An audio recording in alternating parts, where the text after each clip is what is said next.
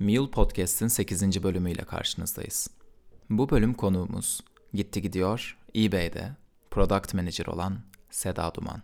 Seda ile veri bilimciler ve ürün yöneticilerinin beraber nasıl çalıştıklarını, ürün yöneticilerinin ne gibi sorumlulukları olduğunu, ürün odaklı bir iş pozisyonu için mülakata girenlere nelerin sorulup doğru cevaplar vermeye nasıl yaklaşılması gerektiğini ve çok daha fazlasını konuştuk.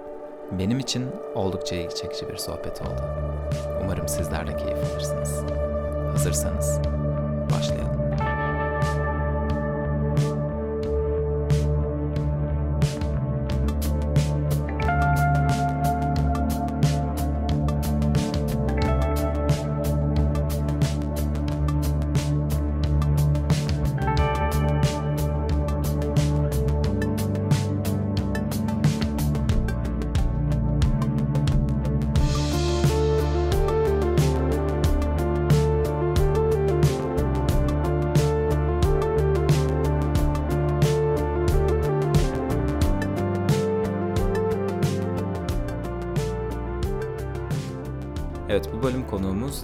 Gidiyor eBay'de Product Manager olan Seda Duman.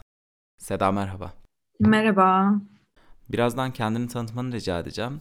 Onun hemen öncesinde bir Product Manager'ı tanımlayıp ne olduğunu bize biraz anlatır mısın? Ee, Product Manager aslında çok basit bir tanımla yani hem üretilmekte olan ya da işte üretilecek bir ürünün başarılı bir şekilde işte piyasaya veya sektöre sunulması için çalışmalar yapan, aktiviteleri yürüten, bunu yaparken de ürünü geliştirilmesi için neleri ihtiyaç duyduğunu, diyaloglarını yürüten kişi. Ee, yani hem teknoloji, user experience, design, data ekipleri, pazarlama gibi e, departmanlarla konuşup ürünün e, e, ilişkili olduğu projeleri doğru şeyleri referans alarak önceliklendiren kişi diyebilirim. Hı hı. Peki gitti gidiyor da sizin ürününüz ne? Direkt marketplace diyebilirim. Marketplace'in kendisi aslında. Yani gitti gidiyor. E, tek başına bir marketplace olarak tanımlanabilir ama sizin ürününüz ne sorusunun cevabı çok geniş yani binlerce üründen oluşan bir marketplace ürünü diyebiliriz. Ana ürün marketplace. Onun altında da aslında üzerinde çalışarak geliştirmeler yaptığınız birçok farklı ürün daha var. Doğru. Peki Seda Duman kimdir? Ben dışarıdan baktığımda biraz eğitim ve iş background'ını görüyorum. Hem onlardan biraz bahsedip hem de tüm bunların dışında seni sen yapan başka bir şeylere de değinmek istersen kendini nasıl tanımlarsın? Hı hı. Ben yaklaşık 7 yıldır product management'la ve bunun çeşitli kollarıyla ilgileniyorum ve çalışıyorum. Şu anda da product manager olarak eBay Türkiye'de çalışıyorum gitti gidiyor da. Burada yaklaşık 3 yıl önce katıldım. Ee, şu anda dört tane domain ekibiyle birlikte çalışıyorum. Ee, Big Data AI bir domain, e, Search bir domain. E, bu iki ekip birbiriyle tamamen dirsek temas çalışan ekipler. Business Intelligence ve Checkout e, Funnel ekipleriyle birlikte çalışıyorum. Bunların domain sorumluluğu bende. İletişim anlamında da zaten her product manager'ın olduğu gibi işte stakeholder'larla, o domainlerle ilişkili third partilerle, development takımlarıyla birlikte çalışıyorum ki e, şirket e, olarak belirlediğimiz bu hedef ve vizyonlarla align yürüyebilelim. Yani diğer yandan da yani product manager olarak asıl görevim ve sorumluluğum product roadmap'ler e, ile ilgileniyorum. İlgili backlog'ların o product roadmap'lere göre yaratılması, kabul kriterleri, analizi bunu product kapsamında belirliyorum ve e, tabii üzerine ekiplerle birlikte oturup tartışıyoruz ve asıl product'ın e, olması gereken e, halini tartışıyoruz, şekillendiriyoruz diyeyim. Orada da bir yaşam döngüsü var. Zaten üzerine konuşuruz zaten. E, yani her gün o yaşam döngüsünün içinde bir parça olarak devam ediyorum diyeyim. E, onun dışında da içerikler hazırlıyorum aslında. Hatta bu Mart'ta yine bir event var. Bu şekilde. Eğitim mi veriyorsun? Evet, aynen. Şunu da merak ediyorum aslında. Özellikle üniversite yıllarını düşündüğümde sürekli bir girişimcilik hikayeleri dolaşıyor etrafta. Hani bazı kişiler kafasındaki fikirleri ürüne dönüştürmeye çalışıyorlar. Genelde etrafta söylenen de o ürüne bir pazar var mı, alıcısı var mı o ürünün veya hizmetin? Potansiyel müşterilerin talepleri neler? Önce hedef kitlenizi bir tanımanız lazım derler ve müşteri leadine anket yapmaya, sorular sormaya, aslında seni sahaya iten yönelimlerde bulunuyor. Oradaki mentörler, akademisyenler veya girişimci olan arkadaşların o akademi ortamında. Şimdi o akademi ortamından biraz daha profesyonel sektöre doğru çevirdiğimizde konuşmayı gitti gidiyor uzun yıllardır hani büyük bir makine gibi tıkır tıkır işleyen yani dev bir şirket. Hatta yıllar önce eBay tarafından da satın alındı. Gitti gidiyor da sizin mesela müşterilerle direkt konuşarak böyle ürün geliştirdiğiniz zamanlarda oluyor mu bazen? Ee, ya aslında biraz direkt kelimesini orada açmak lazım. Çünkü yani müşterilerin ihtiyaçlarını anlamak ve onlarla konuşmak için sadece yüz yüze veya telefon üzerinden konuşmamıza da gerek olmuyor. Yani biz product departmanı olarak, ben de product manager olarak bir sürü yöntemden de faydalanıyorum. Bu pandemiden önce yüz yüze değil ama telefon üzerinden birebir ihtiyaçları veya bizim işte üzerine geliştirmek istediğimiz bir projeyle ilgili kullanıcılardan bolca feedback alıyorduk. Hatta bununla ilgili bir sürü kullanılan yöntemler de var. o yöntemleri de kullanıyorduk. özellikle bu pandemiden sonra bunlar biraz azaldı tabii. Yine telefon üzerinden, Zoom üzerinden görüşmelere devam ediyoruz ama ağırlığı A-B test, heatmap gibi yöntemlere veriyoruz diyebilirim. Ee, burada da aslında kullanıcıların direkt e, e, ihtiyaçlarını e, ve neyi ne ne üzerine çalışmak istediklerini, ne istediklerini gerçekten anlayabiliyorsun. Bu şekilde yani bu görüşmeler de bu arada tamamen e, o anki proje ve strateji ihtiyacına göre değişiyor. E, yani sadece product ekipleri değil, e, yani şirketin içerisinde değişen strateji ekipleri, belki seller'larla ilgili de yani gitti gidiyor sadece buyer'lar değil, seller'lara da iyi deneyim sunan bir yer. E, seller'lar için de e, görüşmeler yapabiliyoruz. Sonuçta oradaki ürünü, ürünün işleyişini, yani ürünün tasarımını geliştirmeye çalışıyorsunuz sürekli. Doğru. Peki Seda, sence bir ürünün tasarımını iyi yapan şey nedir? Ya bu böyle aslında çok kapsamlı bir soru. Yani hem user experience, e, UI design, data, fonksiyonlar gözünden bakmak lazım. Yani, ama tek bir cümleyle kullanıcının ihtiyaçları ile product'ın stratejisinin birbiriyle align gitmesi bir ürünü iyi yapar benim görüşüm. Yani basit anlamda hedeflediğin kitle için kullanışlı olması, gerçek hayat problemlerini kullanıcının gözünden çözüyor olması, bunu da mümkün olduğunca basit yapıyor olması lazım bir ürünün. Hatta çok güzel bir e, şey vardır, less is more diye. Bir ürünü iyi yapan gerçekten basit şekilde o kullanıcının problemini çözüyor olması veya ihtiyacını çözüyor olması. Ee, bu arada iyi bir fikir her zaman iyi bir product olmayabilir. O yüzden yani bu anlamda kullanıcının ne istediğini onların gözünden iyi anlayıp end-to-end dizayn ediyor olmak çok önemli. Product manager'lar ile data scientist'ler oldukça yakından çalışıyorlar belli hedefler çerçevesinde. Sizin ekibi mercek altına alarak düşünebilirsin. Ee, ürün yöneticileriyle veri bilimciler arasındaki ilişkiyi burada bize nasıl tanımlarsın? Yani e, bu Türkiye'de artık son zamanlarda iyice gelişen bir e, yer haline geldi. Hem product manager'larla data scientist'ler arasındaki ilişki hem de şirketlerin o e, ellerindeki o büyük datayı nasıl kullanacağını e, bilememesinden kaynaklı kurulan o data e, departmanları ile ilişkili. Yani PM ve data scientist arasındaki ilişkiyi şey şöyle tanımlamak lazım bence. Yani yapılacak işi iyi anlamak, iyi anlatmak ve product manager gözünden data scientist arkadaşları da çok iyi dinlemek lazım. Yani hatta biraz daha geriye gidecek olursam veri bilimi veya yazılım geliştirme için e, her süreç veya metodoloji gereksinimlerin e, anlaşılmasını gerektiriyor. Yani product manager'lar e, tamamen standart bir product manager e, için söylüyorum. As a user, I want to so diye bir kalıp var. Yani bir e, kullanıcı olarak veya bir e, ihtiyacı tanımlayan kişi olarak bunu istiyorum sebebi de bu e, e, cevabını verebiliyor olması çok önemli. Yani bu anlamda işte product manager ve data science arasındaki ilişki o projenin veya case'in içinde bulundukları durumun ne olduğunu, ihtiyaçları, neyin motive ettiğini ve nihayetinde neyi başarmak istediklerini e, öğrenerek başlıyor. Yani sıradaki ilişki de sonra keşif yoluyla birbirlerine o proje veya o e, konu hakkında e, çift taraflı bilgi e, akışına geçiyor diyeyim. Yani bir örnek üzerinden belki anlatmak lazım.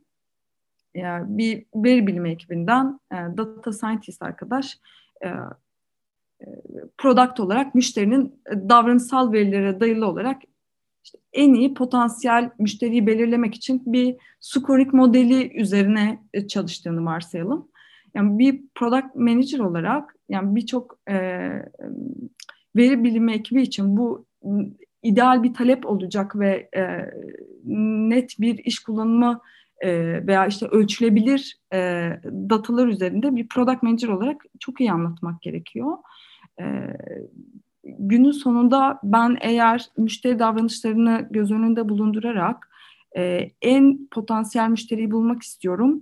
Bunun sebebi de bu cevabını verdiğim noktada e, data scientist arkadaşların işi kolaylaşıyor. Sebebi ekipler işte iş hedeflerinin ne olduğunu kabul ederek bu sefer e, ellerindeki datayı analiz etmeye başlayarak e, sana çeşitli e, değerde bilgiler sunmaya başlıyorlar.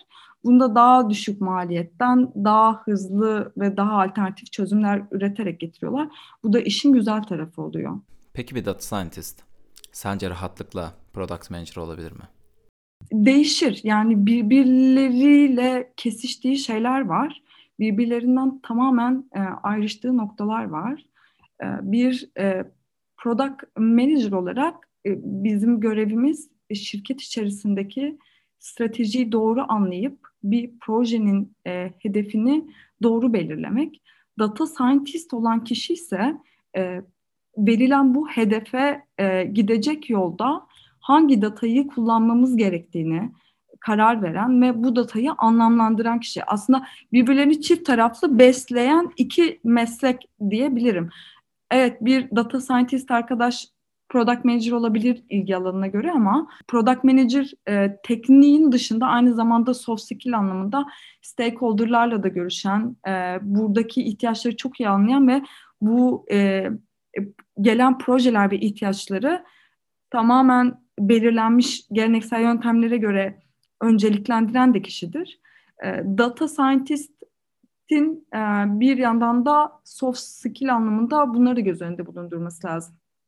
Data scientistler aslında veriyi nasıl kullanmanız gerektiği konusunda yardımcı oluyorlar size ve ürün yöneticileri de veriyle içli dışı çalışmaya başlıyorlar artık. Veri ile ilişkisi nasıl product manager'ların? Yani nasıl kullanıyorsunuz veriyi? Yani aslında iki ayrı şekilde açıklamak lazım. Birincisi yani data product manager'lar yani data science ekipleriyle, data engineer'larla çalışan product manager'lar. Bir de zaten hali hazırda tanımlı problemler için veya işte bir ürünü geliştirmek için kullanılan datalar ve raporlamalar var.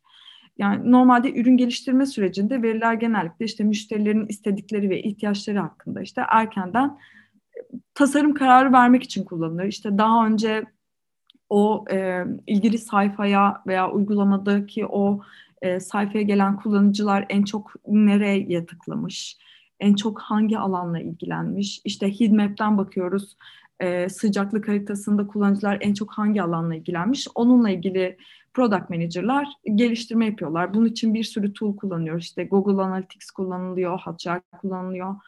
E, bu tanımlı problemler için. Diğer yandan da işte data product manager dediğimiz kezlerde bu verileri gerçek zamanlı olarak kullanmak için machine learning gibi, NLP gibi e-ticarette çok kullanılıyor bu modeller artık modellerden ve teknolojiden yararlanarak datayı ürünün temel işlevinin bir parçası haline getiriyor aslında. Bir ürünü geliştirmek için datayı kullanmak gibi değil de ürünün tamamen kendi içerisine datayı yedirerek ürünün çıktılarını kendini bu datayla şekillendirmesi sağlanıyor. Ya bu ikisi arasında bir fark var aslında o anlamda. Ya veri analizi e, içinde product manager özellikle şöyle bir alanda giriyor. E, işte verinin kullanım alanları, hipotez geliştirmesi, hikayeyi anlatırken o ürünle ilgili e, datanın e, o ürünü nasıl şekillendirdiğini bilmesi e, gibi gibi alanlarda kullanmaya başlıyor. İkisi farklı konular aslında o anlamda. Şimdi product manager'lar var, data product manager'lar var ve artificial intelligence product manager'lar var. Bize bunlar arasındaki e, yaptıkları iş özelindeki farkı anlatır mısın? Hı hı. Türkiye'de hala e, bu e, rollerin tanımları birbirinden çok ayrışmış durumda değil. Tamamen birbirinin içine geçmiş durumda. E, normalde data product manager'lar sadece birkaç noktayla ayrılıyordur diyeyim. Normal standart bir product manager rolüne çok benzese de data product manager bir ürünün tasarımını oluşturmak için verileri kullanmaya ek olarak bir de ürünün tamamında o veri akışından faydalanıyor. Yani o feature'ın dataya göre şekillenmesini sağlıyor. Bu çok önemli. Bence aradaki en büyük fark bu data manager'la e, data product manager'la standart bir product manager arasındaki fark olarak. AI product manager e, bence hala biraz altının doldurulması gereken ve Türkiye'de de henüz bilinmeyen bir title e, diye düşünüyorum daha artificial intelligence dediğimiz oradaki modellere ve teknolojilere hakim. Bunu data ekipleriyle çok daha kolaboratif, çok daha teknik tarafa giren bir rol diye düşünüyorum ben. Aslında Mule Podcast'te ilk bölümlerimizden birinde sevgili Ömer Çolakoğlu ve Daron Yöndem'in sohbet ettiği bir bölümümüzde onlar da data scientist ile data engineer arasındaki farka değinirken Daron Bey paylaşmıştı. Bazı şirketler data engineer alıyorlar işe ancak data scientist işi yaptırıyorlar veya tam tersi durumda olabiliyor bazen diye. Burada da e, AI Product Manager aslında Data Product Manager ve Product Manager bu üçü için de geçerli belki de bu durum.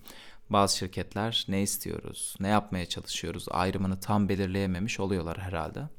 Veya kendilerini dışarıya karşı hani daha sofistike gösterebilmek için de bazıları tüm bu pozisyonları açıyor olabilirler. Seda şimdi senin e, iş geçmişine baktığımda daha önceden Bilyoner'de Product Owner olarak çalıştığını gördüm. Oradaki Product Owner ile mesela şimdi gitti gidiyor oradaki Product Manager'lık arasında nasıl bir fark var? Bu title'lar üzerinde bunu sormak istiyorum. Yani aslında biraz data product manager ile product manager arasındaki fark gibi birbirlerine hem çok benzer hem de birkaç noktada ayrışıyorlar diye. Normalde product owner dediğimiz pozisyon artık herkesin bildiği bu agile metodolojilerin o ortamda uygulanan rolü diyeyim. Yani agile metodolojideki hali. Ürün yöneticiliği yani product management ise gerçekten o işin kendisi diyeyim. Yani ürün yöneticileri biraz ürün yöneticiliği biraz stratejik bir yol. Yani ürünün vizyonuna, şirket hedeflerine biraz daha pazara odaklanıyor. Product owner ise genellikle bu agile kuruluşlarda product ekiplerin içerisinde bu vizyonu, e, hedefleri eyleme geçiren rol oluyor. O yüzden biraz birbirlerinin içine geçmiş durumdalar. Yani her iki rolde product anlamında oradaki ihtiyacı çok iyi bilen, anlayan, yaratan, önceliklendiren kişi sadece product owner o agile metodoloji içerisinde bunu e, teknik ekiple birlikte işte backend, frontend, testçi arkadaşlarla birlikte yürüten kişi diyebilirim. Şimdi ne kadar süredir profesyonel iş hayatındasın bilmiyorum ancak hani herkes CV'sinde görünen şirket sayısından kat kat daha fazla mülakatlara giriyor. Tahmin ediyorum ki doğal olarak sen de product'la ilgili birçok iş mülakatında bulundun. Şunu hayal edecek olursak, product'la ilgili bir iş mülakatına girecek birisi. Ee, ona ne tipte sorular geliyor bu mülakatlarda? Yani ne tür sorular sorulur bir product manager'lık pozisyonu için bu mülakata giren adaylara?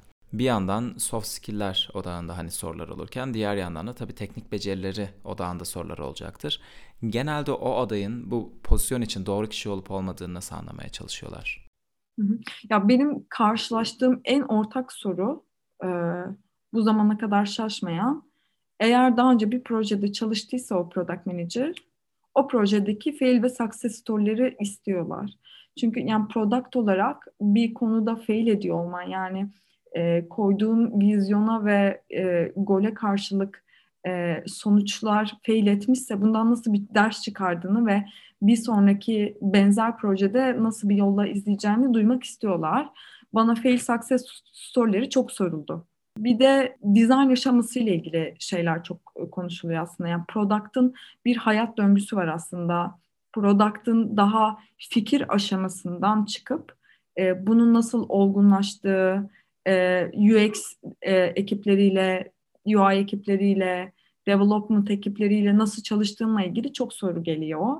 E, işte UX ekibine hangi aşamada gidersin, design ekibiyle e, nasıl çalışırsın, development takımlarına bir işi nasıl aktarırsın gibi sorular çok geliyor. Yani tamamen aslında product management biraz kolaborasyonla da ilgili bir e, meslek dalı olduğu için bu ekiplerle nasıl bir arada çalıştığını da anlatıyor olmanı bekliyorlar. Oradan şeye bağlayayım yani iletişim anlamında da e, e, dolayısıyla çok soru geliyor. Bir de e, orada stres management'la ilgili çok soru geliyor. Yani e, verilen bir kez veya olay üzerinden o durumdaki tepki ve yaklaşımımızı merak ediyorlar.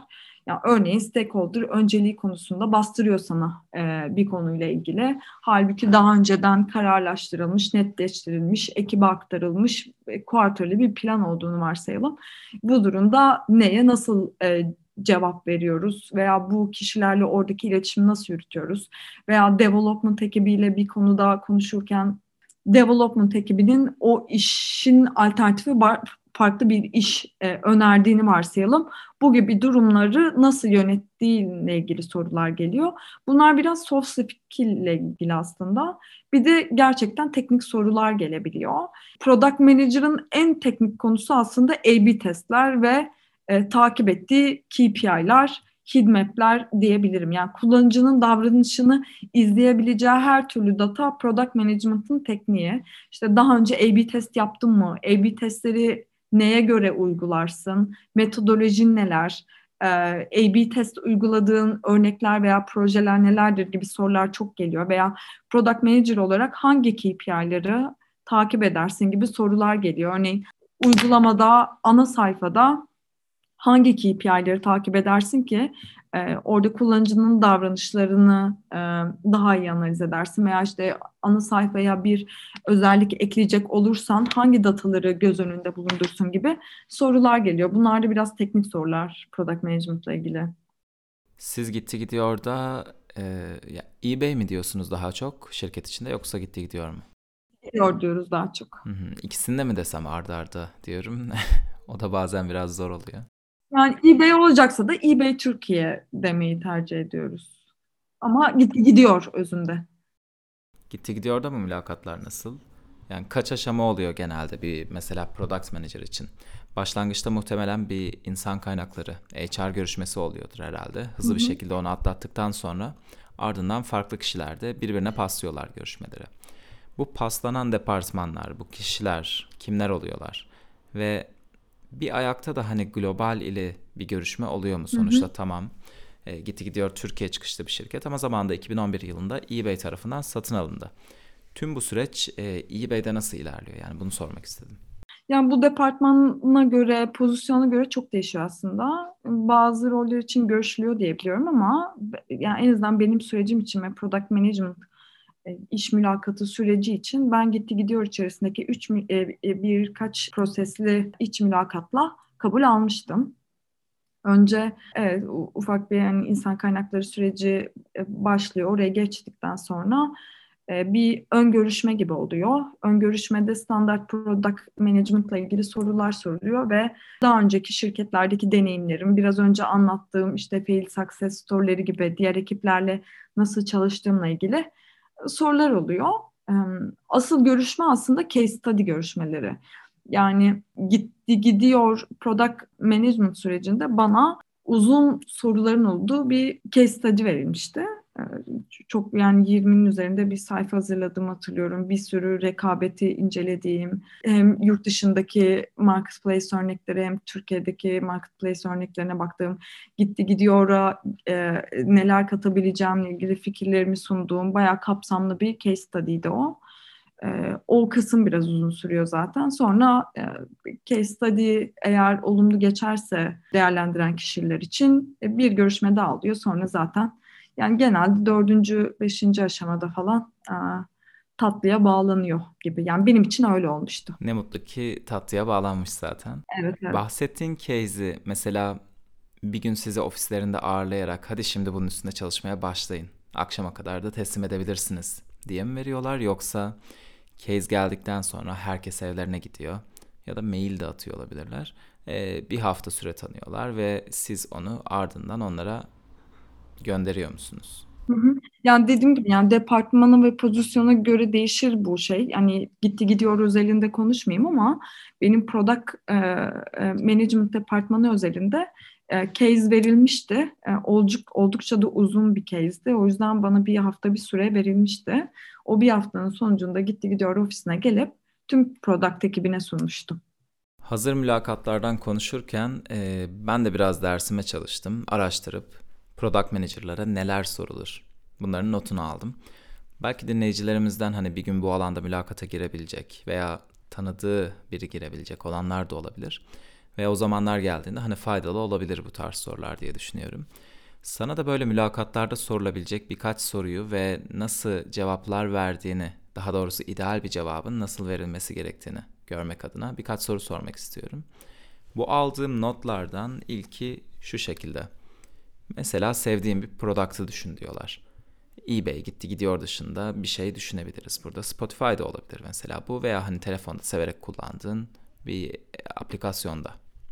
Soruyorlar ki bu ürünü nasıl geliştirirdin ya da hani şu anki halinden alarak neleri değiştirirdin? En azından bu şirkette çalışacağın ilk bir yıllık ya da bir aylık periyotta. Burada e, ürün ne olurdu sence? Ne seçerdin ve nasıl cevap verirdin böyle bir soru sana mülakatta gelecek olsaydı? Bir product manager olarak ve daha önce hep e-ticaret ve e, marketplace related iş e, yerlerinde çalıştığım için yine ürünü de ona göre seçerdim tahmin ediyorum. Çünkü yani normalde product manager'ın en güçlü olduğu şey domain knowledge'ının e, derin olması. O yüzden çok büyük bir ihtimalle bir ürün seçerken bu ikisiyle related bir ürün seçerdim herhalde. Yani normal iş görüşmelerinde de bu arada öyle yapmak lazım. Case study'lerde bu sorular çok geliyor. İşte bir ürün e, seçersen hangi ürün seçersin ve bu ürünü nasıl improve edersin? Orada aslında e, görmek istedikleri şey gerçekten o ürünü neden seçtiğin veya o ürünü nasıl improve edeceğin değil. Yani iyi fikirlerle bunu improve edecekken nelerden yararlanacağın ve nasıl yaklaşacağınla da ilgili. Yani o yüzden ben olsaydım e, böyle bir soru gelseydi bana e, bunun cevabını verirken dörde ayırırdım. Hatta belki üç. E, biz normalde gelen şirket içerisinde gelen projelerde de bunu yapmaya çalışıyoruz. Bir quick win iyileştirmeler var aslında. Hem yüksek impactli e, kısa eforlu işler bunlar. Tamamen sesli düşünüyorum. E, bir uyarı mesajının bir form üzerinde e, kullanıcıyı yönlendirmeyecek şekilde veriliyor olması e, iyi bir deneyim değil. Tamamen quick win bir geliştirme olarak bu mesajı doğru ve kullanıcıyı yönlendirecek bir mesaj haline getirmek bile o product'ı improve edecek bir şey ve gerçekten hem high impact olur, e, low effort olur. Çünkü bir analizini yapmak uzun olsa da e, geliştirmesi çok kısa bir şey. Metinsel olarak bir değişiklik yapılıyor. Buna önem verilmeli cevap verilirken bence. Bir de e, büyük projeler yani long term'de büyük proje olarak neye odaklanmak lazım ona da bakmak lazım. Yani gerçekten hem high impact hem de high effort olacak. Belki bununla ilgili büyük örnekler vermeye çalışırdım. Atıyorum işte seller'la ilgili dashboard yaratılması, onların tamamen ihtiyaçlarına göre e, o şirket içerisinde var mıdır bilmiyorum ama bir satıcı olarak o marketplace'in içerisinde e, nasıl performans gösterdiğimi hem şir o şirketin iyi analiz etmesini isterim hem de ben kolay ulaşmak isterim. Bu mesela kocaman bir proje aslında bakılırsa. Böyle projeler de önermek lazım diyeyim. Son olarak da şeye bakmak lazım. Hiç önerilmemesi gereken şeyler var. Yani ne o ürün için acil olan ne de önemli olan işler var. Hem low effect hem de high effort olan şeyler. O yüzden yani bir e, öneride bulunurken nasıl improve edileceğiyle ilgili bunu da göz önünde bulundurmak lazım. Çünkü sorarken irdeleyeceklerdir. Hani buna neden ihtiyaç duyalım ki? Veya bu sence çok eforlu bir iş olmaz mı gibi. Peki şöyle bir soru gelse nasıl cevaplardın? Her an sonuçta aşırı yüksek tempoyla, hani coşkuyla, motivasyonu en yüksek seviyede tutarak çalışmıyorsun. Bazı durumlarda gerçekten üzerinde çalıştığın işe heyecan duyuyorsun ama bazen ise o kadar yani heyecan duymuyor olabilirsin gerçekten. Ee, bazen o spesifik işin üreteceği katkıya da inanmayabilirsin. Hani bazen inanabilirsin. Ee, yani sonuçta insanız ve enerji durumlarımız da stabil olmayabiliyor. Ee, her neyse ben soruya geleyim. Bir ürün geliştirme sürecinde en az sevdiğin şey ne? Ya da süreçler neler bunlar? Böyle bir soruya nasıl cevap verirdin? Herhalde operasyon kısmı olurdu. Yani proje yöneticiliği şapkasıyla ilgili kısımlar olurdu.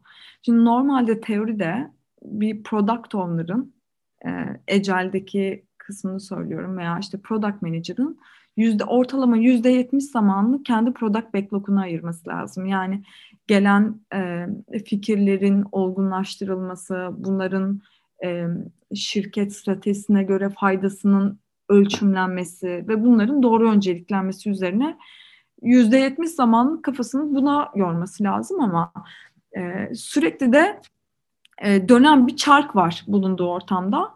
O çarkın içerisinde canlı da bug'lar çıkabiliyor, sistemsel e, sıkıntılar olabiliyor. İşte teoride aslında iyi çalışması gereken ama e, sonradan iyi çalışmadığını gördüğün yerler oluyor. Operasyon olarak senin hem analiz anlamında hem geliştirme anlamında müdahale etmen gerekiyor.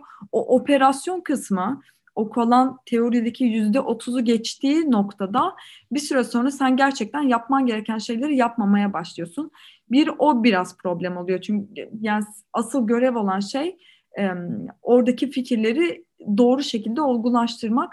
Diğer yandan sürekli oradan oraya koşan, onun timeline'ını anlamaya çalışan, işte operasyon anlamda bunu doğru anlayıp doğru iletişimi yapmaya çalışan bir e, hal almaya başlıyor. O da e, yönetilmesi de en zor kısım bence.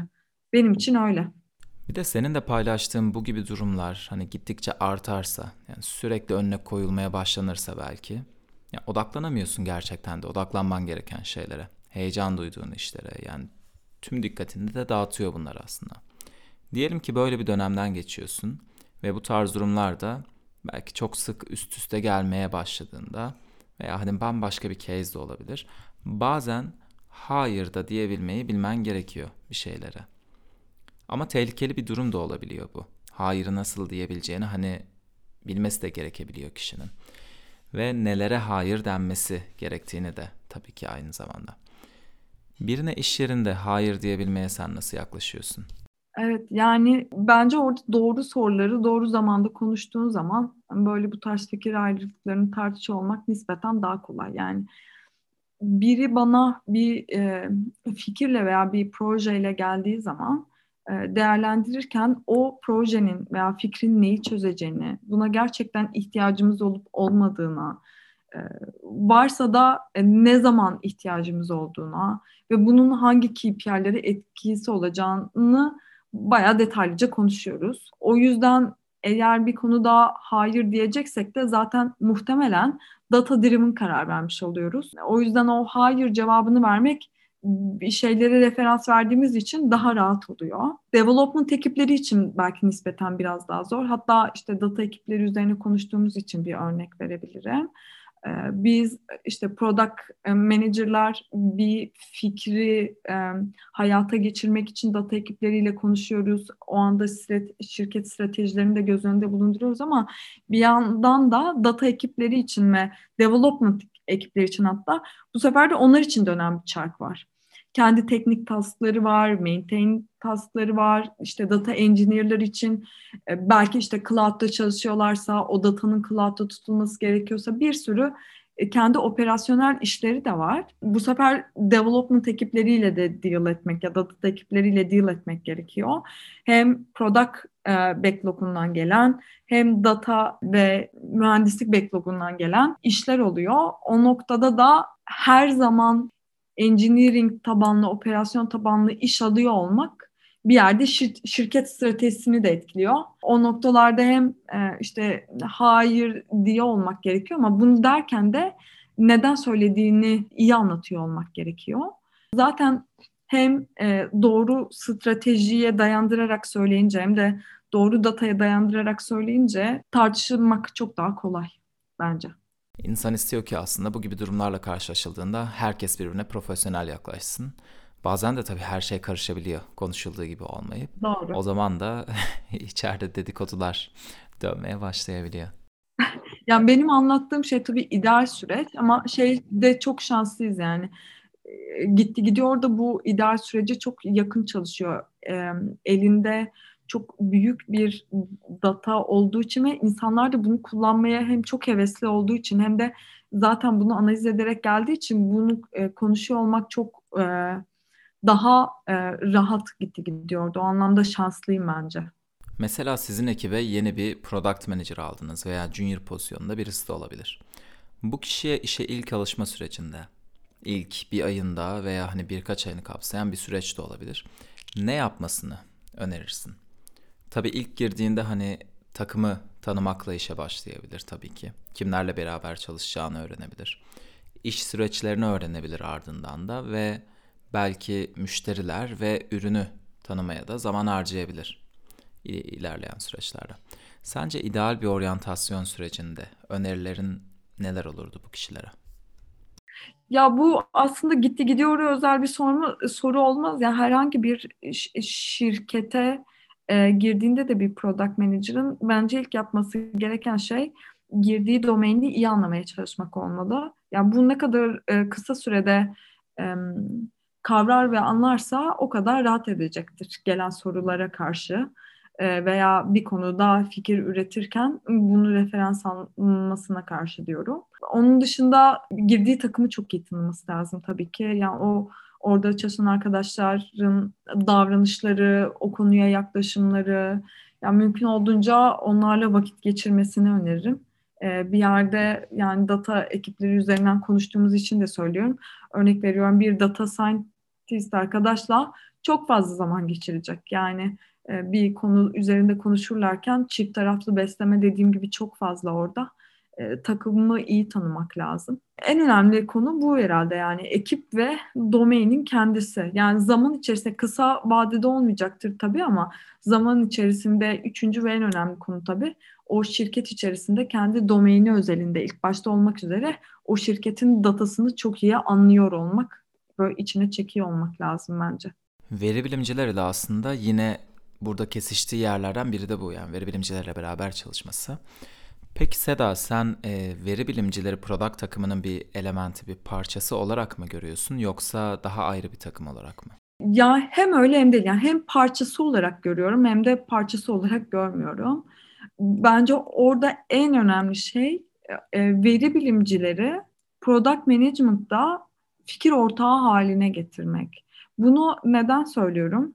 Bir, bir e, proje veya bir ihtiyaç ortaya çıktığında e, bir e, hedefi e, elimizdeki dataya göre product manager'lar olarak ortaya doğru koymamız tabii ki çok önemli ama veri bilimciler gerçekten orada unstructured duran datayı, o kirli dediğimiz datayı e, anlamlandıran ve bu anlamlandırma sonrasında hangi datayı kullanarak e, ilerlememiz gerektiğine karar veren kişi olduğu için aynı zamanda bir parçası haline getirmek çok önemli. Çünkü bir yerde oradaki fikir alışverişi aynı zamanda o feature'ın improve olmasını sağlıyor. Tamamen ayrı bir parça olarak görmek mümkün değil. Fikir ortağı haline getirecek şekilde parçası olarak düşünmek lazım bence. Yani aslında veri bilimciler ürün yöneticileri gibi düşünmelidir der misin? Kesinlikle. Kesinlikle. Ürün yöneticileri de peki bir veri bilimci gibi düşünmeli midir sence? Mümkün olduğunca yani bir kere veri bilimcilerin ürün yöneticileri gibi düşünmesi çok önemli.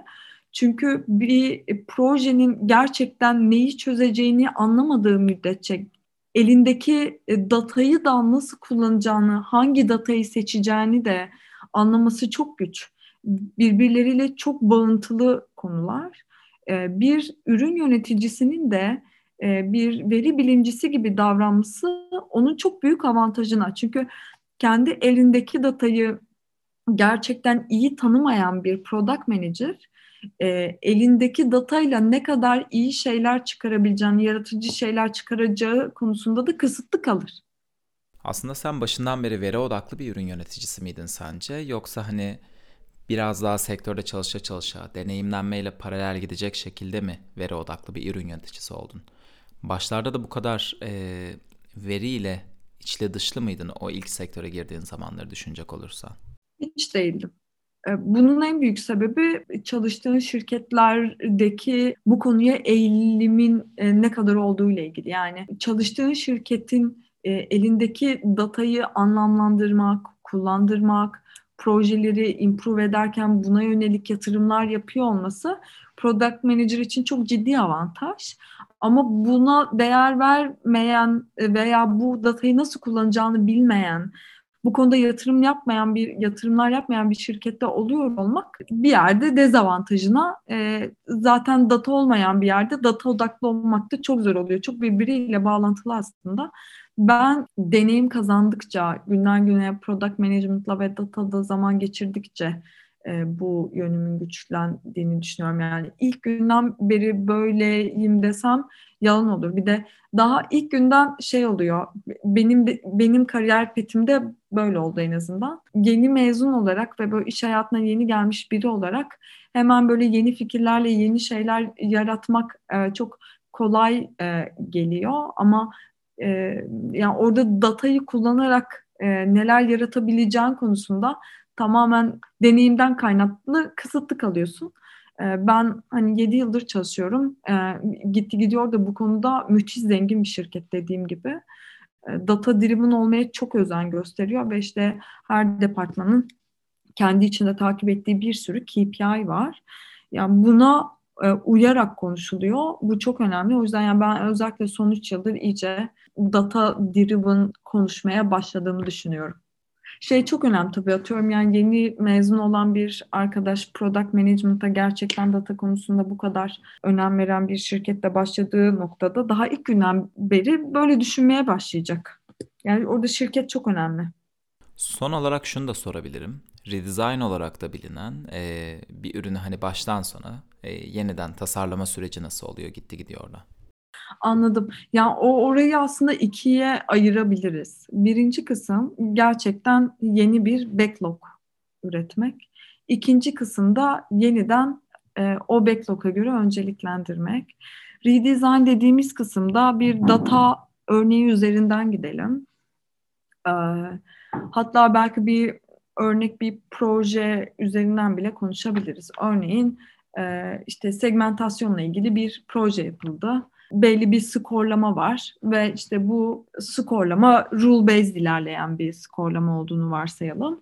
Biz de e, data ekipleriyle birlikte artık bunun dinamik e, bir proje haline gelmesine, e, tamamen işte machine learning modelleriyle birlikte datayı entegre şekilde çalışarak hani on the fly kararlar verilmesi gibi böyle bir hale getirmek istiyoruz. Yani bu noktada şeye karar vereceğiz. Yani şu anda ki segmentasyon neyi karşılamıyor ve nelerde eksik kalıyor? Bizim gerçekten ihtiyacımız olan şey ne ve segmentasyon yeni segmentasyonla birlikte hayatımıza neler girecek? Yani targeting, hedefleme kısımlarında neler katmış olacağız hayatımızda? Yani bu soruların cevabını önce bir net koymamız lazım ki birincisi şirket içerisinde ilgili tüm departmanlar align olsun işte hangi KPI'lere yatırım yapacağımıza e, karar vermemiz lazım yine bu noktada. Sonra data scientist veya işte data ekipleriyle birlikte konuşuyoruz. İhtiyacı anlatıyoruz, e, kapsamı anlatıyoruz. Bunun hayatımıza neler kazandıracağını, hedeflerimizi konuşuyoruz ve onlar da o data, biraz önce bahsettiğim e, ilgili tüm adı, e, datayı analiz ederek, burayı tanımlayarak, nasıl kullanacağımızı anlayarak üzerine bir çalışma yapıyor. Sonra üzerine tartışmaya başlıyoruz aslında redesign sürecinde. E, bu çıkarılan datalardan hangisini kullanmalıyız? Hani şirket olarak e, bu datayı daha kullanmalı mıyız modeli tasarlarken gibi üzerine tartışıyoruz aslında. Buna karar verdikten sonra e, ki en önemli aşama tabii o e, projeyi en iyi yansıtacak modelin geliştirme süreci diyeyim. Model e, geliştirildikten sonra işte training, e, prediction süreçlerinin başladığını ve tamamlandığını varsayıyorum o development cycle'ında. Sonra bir ilk output üzerinden UAT yapıyoruz biz. İlk çıktılar verilen o input datasına göre eğitilen dataya göre e, nasıl olmuş? Bizim gerçekten ihtiyacımızı karşılıyor mu? Yeni segmentasyon bizim o eksik gördüğümüz yerleri kapatacak bir segmentasyon mu diye üzerine tartışıyoruz. Eğer gerçekten ihtiyacımızı karşılayacak bir e, hale gelmişse o modelin çıktısı bu haliyle operasyona başlanıyor. Artık işte bunun oto, o modelin otomatize çalışması üzerine e, işte analizler yapılıyor data engineer'larla. O süreçlere giriyoruz. Fakat eğer e, bu ilk UAT sonucunda gerçekten istediğimiz hale gelmemişse tekrardan bir analiz etmeye başlıyoruz. Eğer gerçekten zamanımız da varsa hangi datayı kullanmamız gerekiyor, neden eksik çıkmış olabilir, işte buna daha mı çok ağırlık versek gibi üzerine tekrardan analiz etmeye başlıyoruz. Ve biraz önce söylediğim cycle'a tekrardan sokuyoruz akışı diyeyim. Sormak istediklerim bu kadardı. Teşekkürler Seda sohbetin için. Podcast açıklama bölümüne LinkedIn profil linkini ekliyorum. Oradan hani isteyen dinleyicilerimiz seni ekleyebilirler, takip edebilirler. Belki hani bir şeyler sormak isterlerse de yazabilirler mi? Tabii tabii, tabii ki, tabii ki. Teşekkürler. Tekrardan konuşmak üzere Seda. Ben de çok teşekkür ederim. Görüşmek üzere.